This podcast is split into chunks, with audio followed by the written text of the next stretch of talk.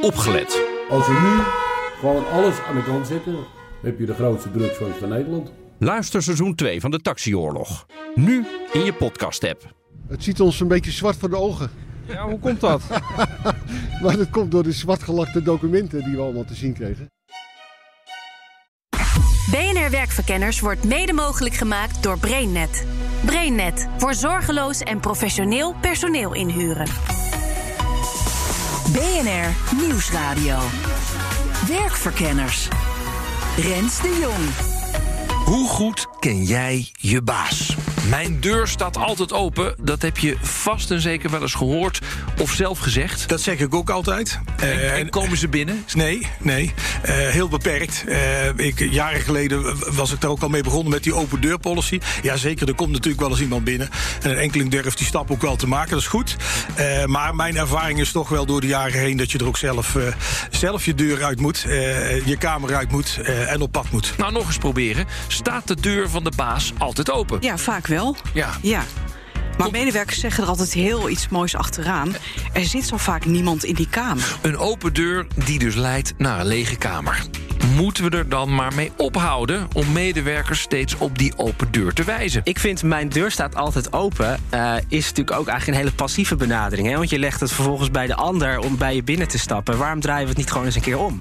Eh, en in plaats van de- door de deur open te gooien, kan je ook zeggen: ik gooi mijn deur open, maar vervolgens stap ik zelf naar buiten. Eh, en ga ik mijn boodschap verkondigen en ga ik in contact komen met mijn mensen.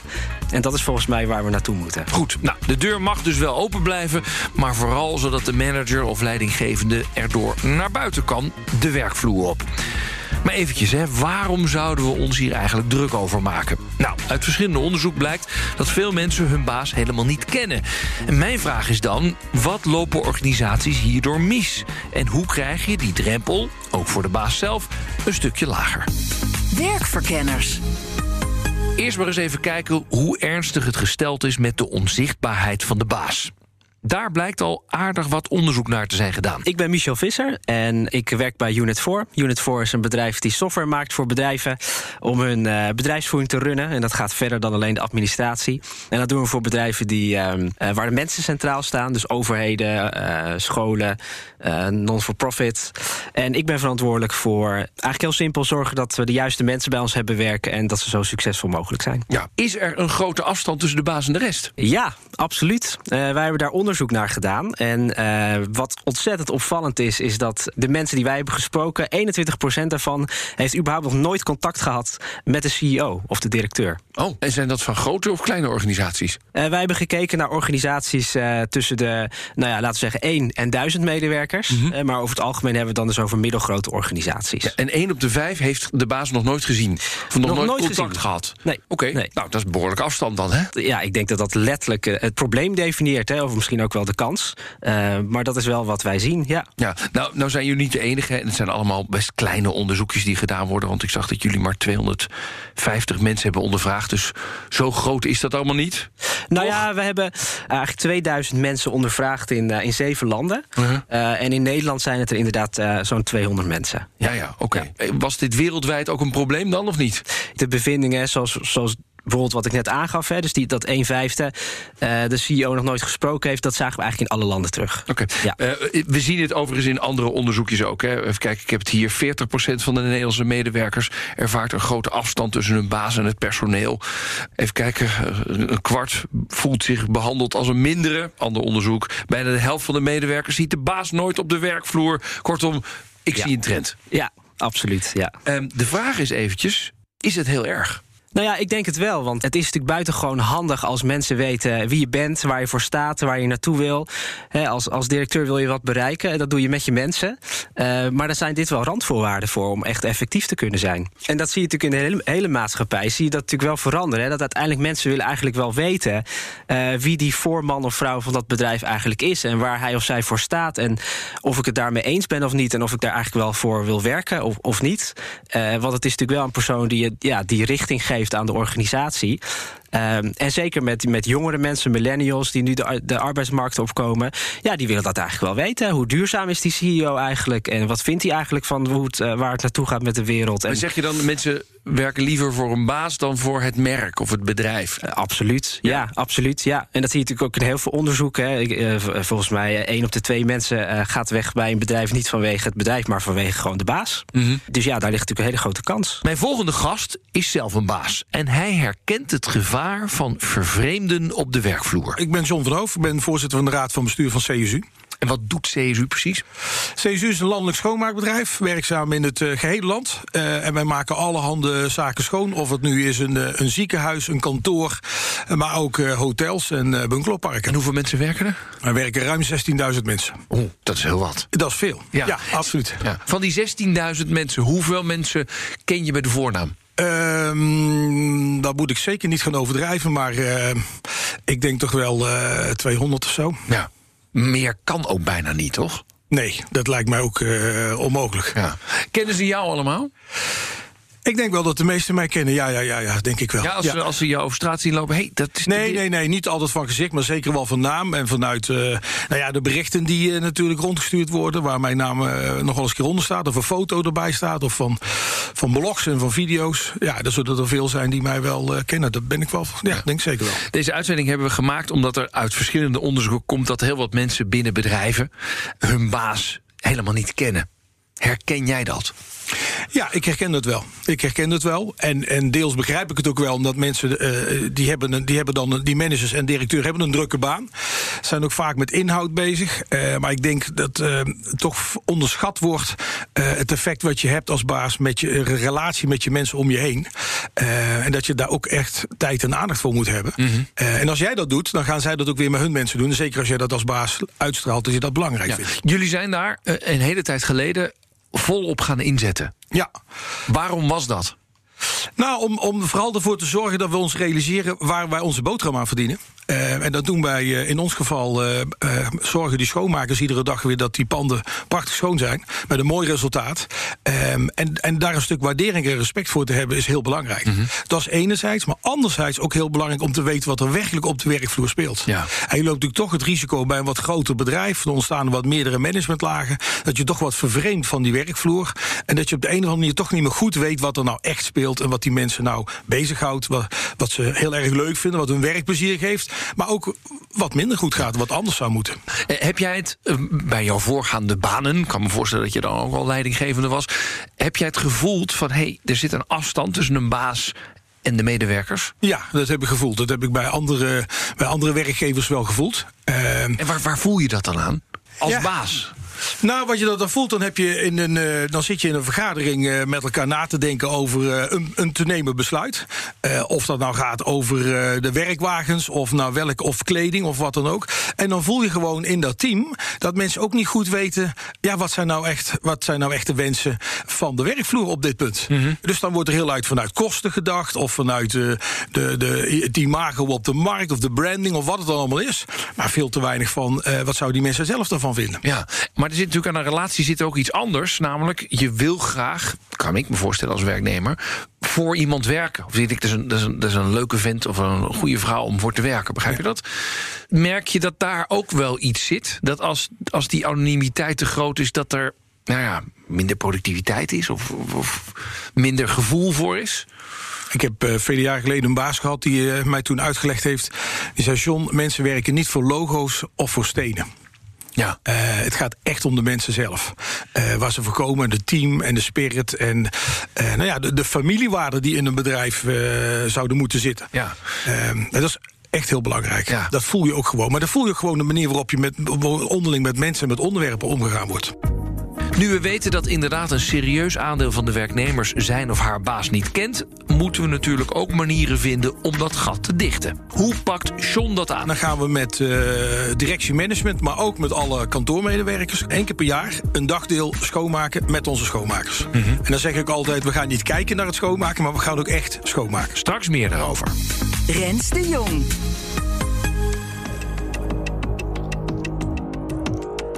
Maar eerst eens kijken hoe het zo gekomen is. Dat degene die de leiding heeft zich niet meer laat zien op de werkvloer. Ik denk dat heel veel leidinggevenden, tenminste als ik uh, mensen hoor praten binnen organisaties, uh, zijn aan het vergaderen. Zijn bezig om richting te geven aan de organisatie. En vergeten volgens mij een heel groot gedeelte van hun werk. En dat zijn die medewerkers. Kun je jezelf even voorstellen aan onze luisteraars?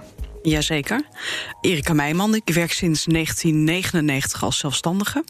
En ik hou me heel veel bezig met vraagstukken rondom leiderschap binnen organisaties. En dan ook nog leiderschap en integriteit. Oké, okay. de hm. connectie met die baas die is er niet. Dus zie jij dat ook ontstaan op de werkvloer? Ja, ik denk dat hoe harder we bezig zijn om onze resultaten te boeken. Uh, om te zorgen dat we winst draaien binnen organisaties, onze afspraken. Want ook de publieke sector moet veel uh, resultaatafspraken tegenwoordig nakomen. Uh, hoe meer we bezig zijn om, om met elkaar te, te kijken hoe we het onder controle krijgen. Mm -hmm. terwijl ondertussen iedereen doorwerkt. Dus het, we doen iets heel interessants in organisaties. ik hoor ook managers zeggen binnen organisaties... ja, ik ben soms wel acht uur op een dag aan het vergaderen... en ik heb geen idee wat er op mijn werkvloer gebeurt. Fascinerend eigenlijk, hè? Ja. En jij zegt dus, daardoor hebben mensen eigenlijk geen idee van hun baas, want ze zijn er gewoon niet. Nee, misschien de baas ook niet meer zo heel erg over de medewerkers. Nee, beide. Misschien raken we elkaar wat kwijt. We raken elkaar kwijt. Ja. ja. Maar is de druk zijn met vergaderen echt het enige probleem? Natuurlijk gaat het om tijd en prioriteit geven. En natuurlijk zijn er grote en meeslepende thema's waar je als CEO mee bezighoudt. Maar voor, ja, het kan natuurlijk ook gaan over kwetsbaarheid. Hè? Want als je contact hebt, ja, dan komt er misschien ook een, uh, wat tegengas of een andere visie of een ander idee. En uh, heb je daar wel zin in en tijd voor om, daar, uh, om daarop in te gaan? Het gaat om keuzes maken. Ja. En, en ik, misschien kan ik me wel ook wel een beetje voorstellen. Dat ik ja, ik ben zo druk bezig met allerlei veranderingen. Uh, we hebben het nou eenmaal in gang gezet. We hebben goed met iedereen wel overlegd, of met de verantwoordelijke daarvoor. Maar ja, als je dan over de werkvloer gaat lopen, dan krijg je de hele dag allemaal dat gedoe over je heen. Terwijl je denkt, ja, het is al bedacht, we gaan door. Ja, ja. Nou ja, en, en wat je daar interessant tegenover kan zetten, is dat we zagen ook in ons onderzoek dat uh, ongeveer één op de twee mensen het eigenlijk niet eens is met de visie van het bedrijf. Hè. En misschien, en dat, dat kan natuurlijk komen omdat ze eigenlijk überhaupt niet eens weten wat die visie is. Mm -hmm. uh, en als die visie wel bekend is, ja, dan één of de twee mensen is het er niet mee eens. Dus het is misschien eigenlijk best wel handig om met mensen daarover te praten... en te zorgen dat ze in, die, in datzelfde karretje komen zitten als jij. Ja. En zo'n baas hè, die zich dan niet openstelt voor de mening van medewerkers. Wat loopt hij of zij eigenlijk mis? Ik denk dat zo'n baas druk is, ja. Heeft nou ja, allerlei prioriteiten. Ja, van alles te doen. En van alles te doen. Ja. En dan kun je wel zeggen, nou, mijn deur staat altijd open... of ik maak elke dag een rondje en ga met mensen praten. Maar ja, ondertussen ja, moet diegene ook heel veel andere dingen doen. Ja. Maar volgens mij is een van de belangrijkste dingen als, uh, als, als baas... is om te zorgen dat je de juiste mensen bij je hebt werken... en dat die uh, verbonden zijn aan jou en aan het bedrijf. Um, en dan is het natuurlijk wel heel handig als je deur open staat. Uh, en als mensen weten wie je bent. Um, want we zien gewoon dat mensen die he, bij de organisaties waar die, waar die band wel sterker is. Um, dat mensen daar ook langer blijven werken, dat de productiviteit hoger is. Uh, en mensen die weggaan, dat kost natuurlijk gewoon geld. Uh, en hier ligt gewoon echt een duidelijke relatie. Weer even terug naar ons eigen praktijkvoorbeeld van de baas. Waar denkt hij dat het aan ligt? Waarom vindt de baas het zo moeilijk om de connectie te maken? Ik denk dat er uh, ook minder goede managers rondlopen. Mm -hmm. die gewoon toch de, op de managementvaardigheden toch veel alleen de taak voor ogen hebben. En veel te weinig de relatie. En niet goed begrijpen dat het spel tussen die twee dat dat het optimum brengt. Het managen is natuurlijk ook een vak. Uh, en dat vergt ook bijzondere kwaliteiten. Ja, en van intrinsiek, intrinsiek ook die motivatie hebben om met die mensen dat ja. samen te willen doen. Maar misschien is het ook wat je zegt, hè, ze zijn heel druk bezig. Het is misschien ook gewoon druk. Weet je, je, hebt allerlei taken uit te voeren. En juist die relatie is niet meteen meetbaar. Hè? Als, je, als ik met iemand een kop koffie ga drinken, dan denk ik, ja, het is niet zo dat daardoor een sale binnenkomt of dat iets heel, meteen heel veel beter gaat. Dus als je plannen gaat uitvoeren, nou, dan heb je het gevoel, ja, ik ben niets aan het doen. Nee, dat klopt, dat is ook druk. Uh, alleen de, de, de, de aardigheid van het zijn van manager is dat je heel veel mensen om je heen hebt. Hè? Want daarom ben je manager, je bent leidinggevende. En die mensen doen dus heel veel het werk. Dus wat moet jij dan zelf precies nog doen? Want je hebt eigenlijk voor iedereen al iemand rondlopen. Ja, ja. Jij zegt eigenlijk, dit is je werk. Die... Dit is je werk. Ja, ja. Ik denk dat niet heel veel managers dat zo zien. Nee, die, die, die doen te veel zelf.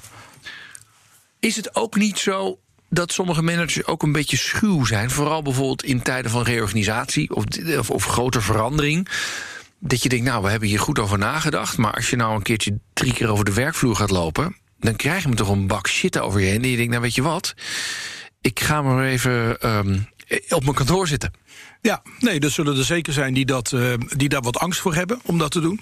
Eh, maar ja, goed, als je toch eh, een beetje staat voor je beleid en je hebt er geloof in, dan, dan geeft het ook een ideale kans als je op de werkvloer bent om het toe te lichten. om mensen te uit te leggen waarom je graag iets wil. Maar juist de andere kant, Ja. om ook nou eens te luisteren. Ja. Van hoe is dat nou aangekomen? Komt het goed aan? Heeft het hetzelfde effect wat jij beoogt dat het heeft?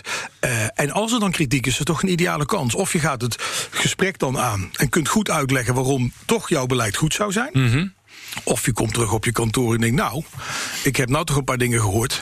Die hebben wij destijds in de besluitvorming niet zo meegenomen of niet zo zwaar meegenomen. Dat moet ik toch nog wel eens eventjes extra doen. Ja. En misschien ook je. En dan, en dan kwetsbaar opstellen. Laat dan ook gewoon. eh, Ga dan een ander besluit Maar nemen. misschien is dat ook wel moeilijk dan. Je kwetsbaar opstellen. Ja. Want, want, want dat verwachten medewerkers misschien, vooral in Nederland denk ik dan af en toe wel eens.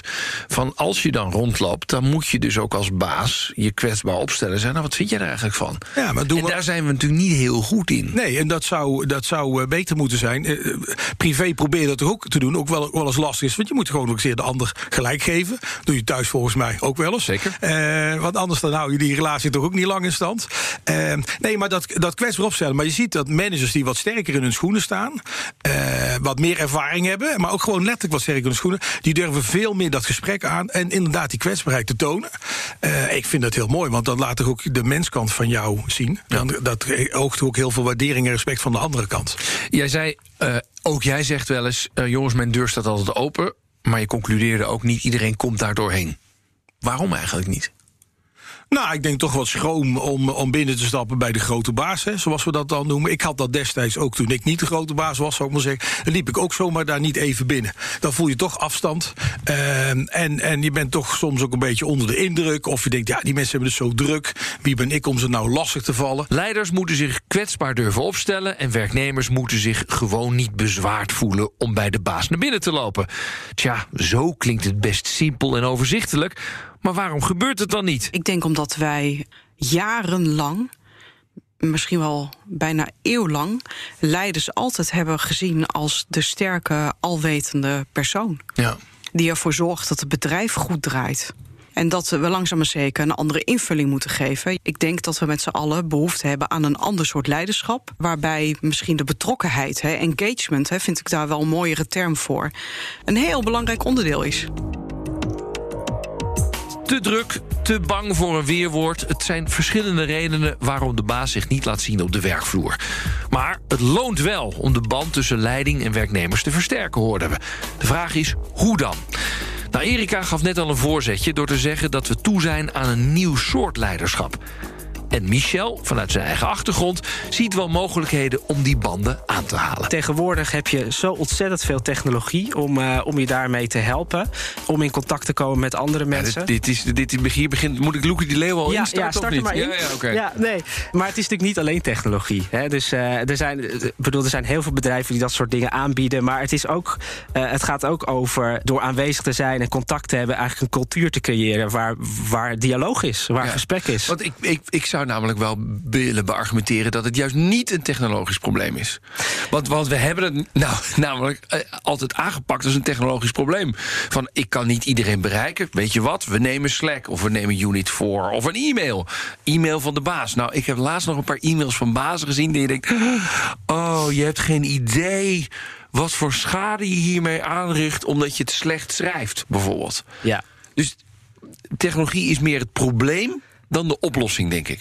Nou ja, als je kijkt gewoon nu naar de samenleving om ons heen. Hè, we zitten inderdaad allemaal op allerlei technologische tools om met elkaar in contact te zijn. Het is super laagdrempelig. Je kunt het gewoon even bekijken. Je kunt even makkelijk een berichtje de wereld insturen. En ook al is misschien de kwaliteit ondermaats. eh, het geeft wel vast een beetje kleur aan je als persoon. Ja. En, eh, eh, en, en er ontstaat een gesprek. hè, Want die e-mail was misschien heel slecht. Maar dan kun jij wel met je collega's over hebben hoe slecht die e-mail was. Er ontstaat iets. Ja. Eh, dat is natuurlijk wel de essentie van je rol als CEO. Is natuurlijk om iets in beweging te krijgen. En hoe zat het nou met het dagdeel schoonmaken in de meewerkweek van Johns CSU? De meewerkweek doen we jaarlijks. Dus dat betekent juist dit ergens te poetsen in een gebouw. Ja, dat kan zijn op het eh, Centraal Station eh, Amsterdam. Treinen schoonmaken.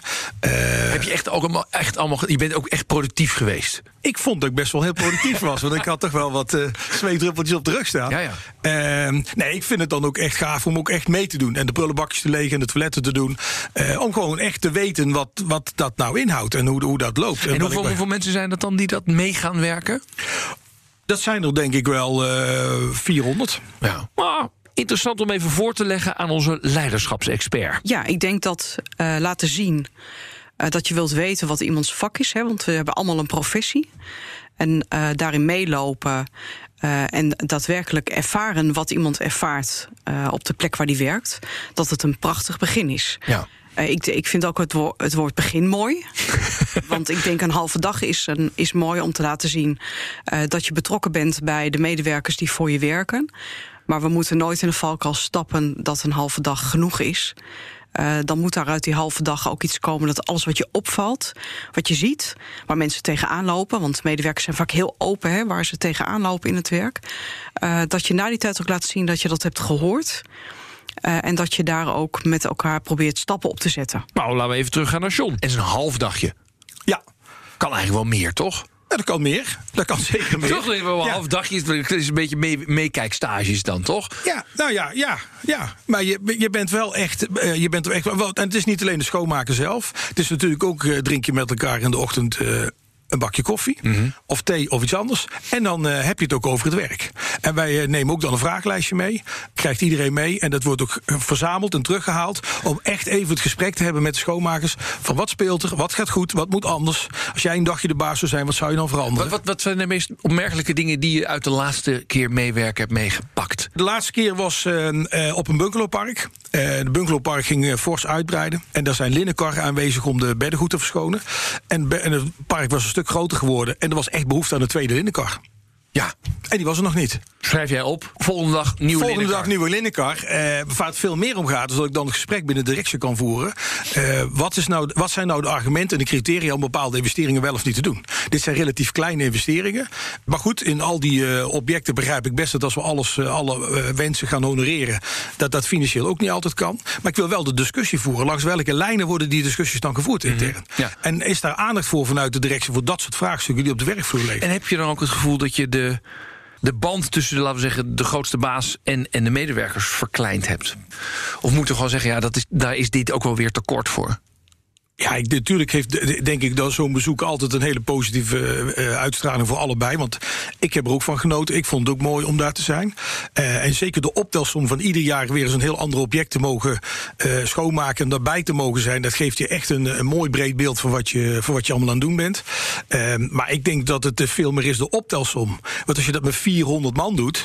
eh, en je gaat met z'n allen letterlijk het veld in en komt er terug. Je doet dat ook ieder jaar. Dan denk ik als je dat maar een aantal jaren doet. Nou, dat dat echt wel impact maakt. En CSU heeft andere bedrijven zover weten te krijgen om ook mee te doen. Ja, we hebben een, een jaar of vijf geleden gedacht... eh, eigenlijk zou je dit willen promoten in heel Nederland. Eh, en dus ook bij onze klanten en onze relaties. Dus hebben we de Nationale Meewerkweek eh, bedacht.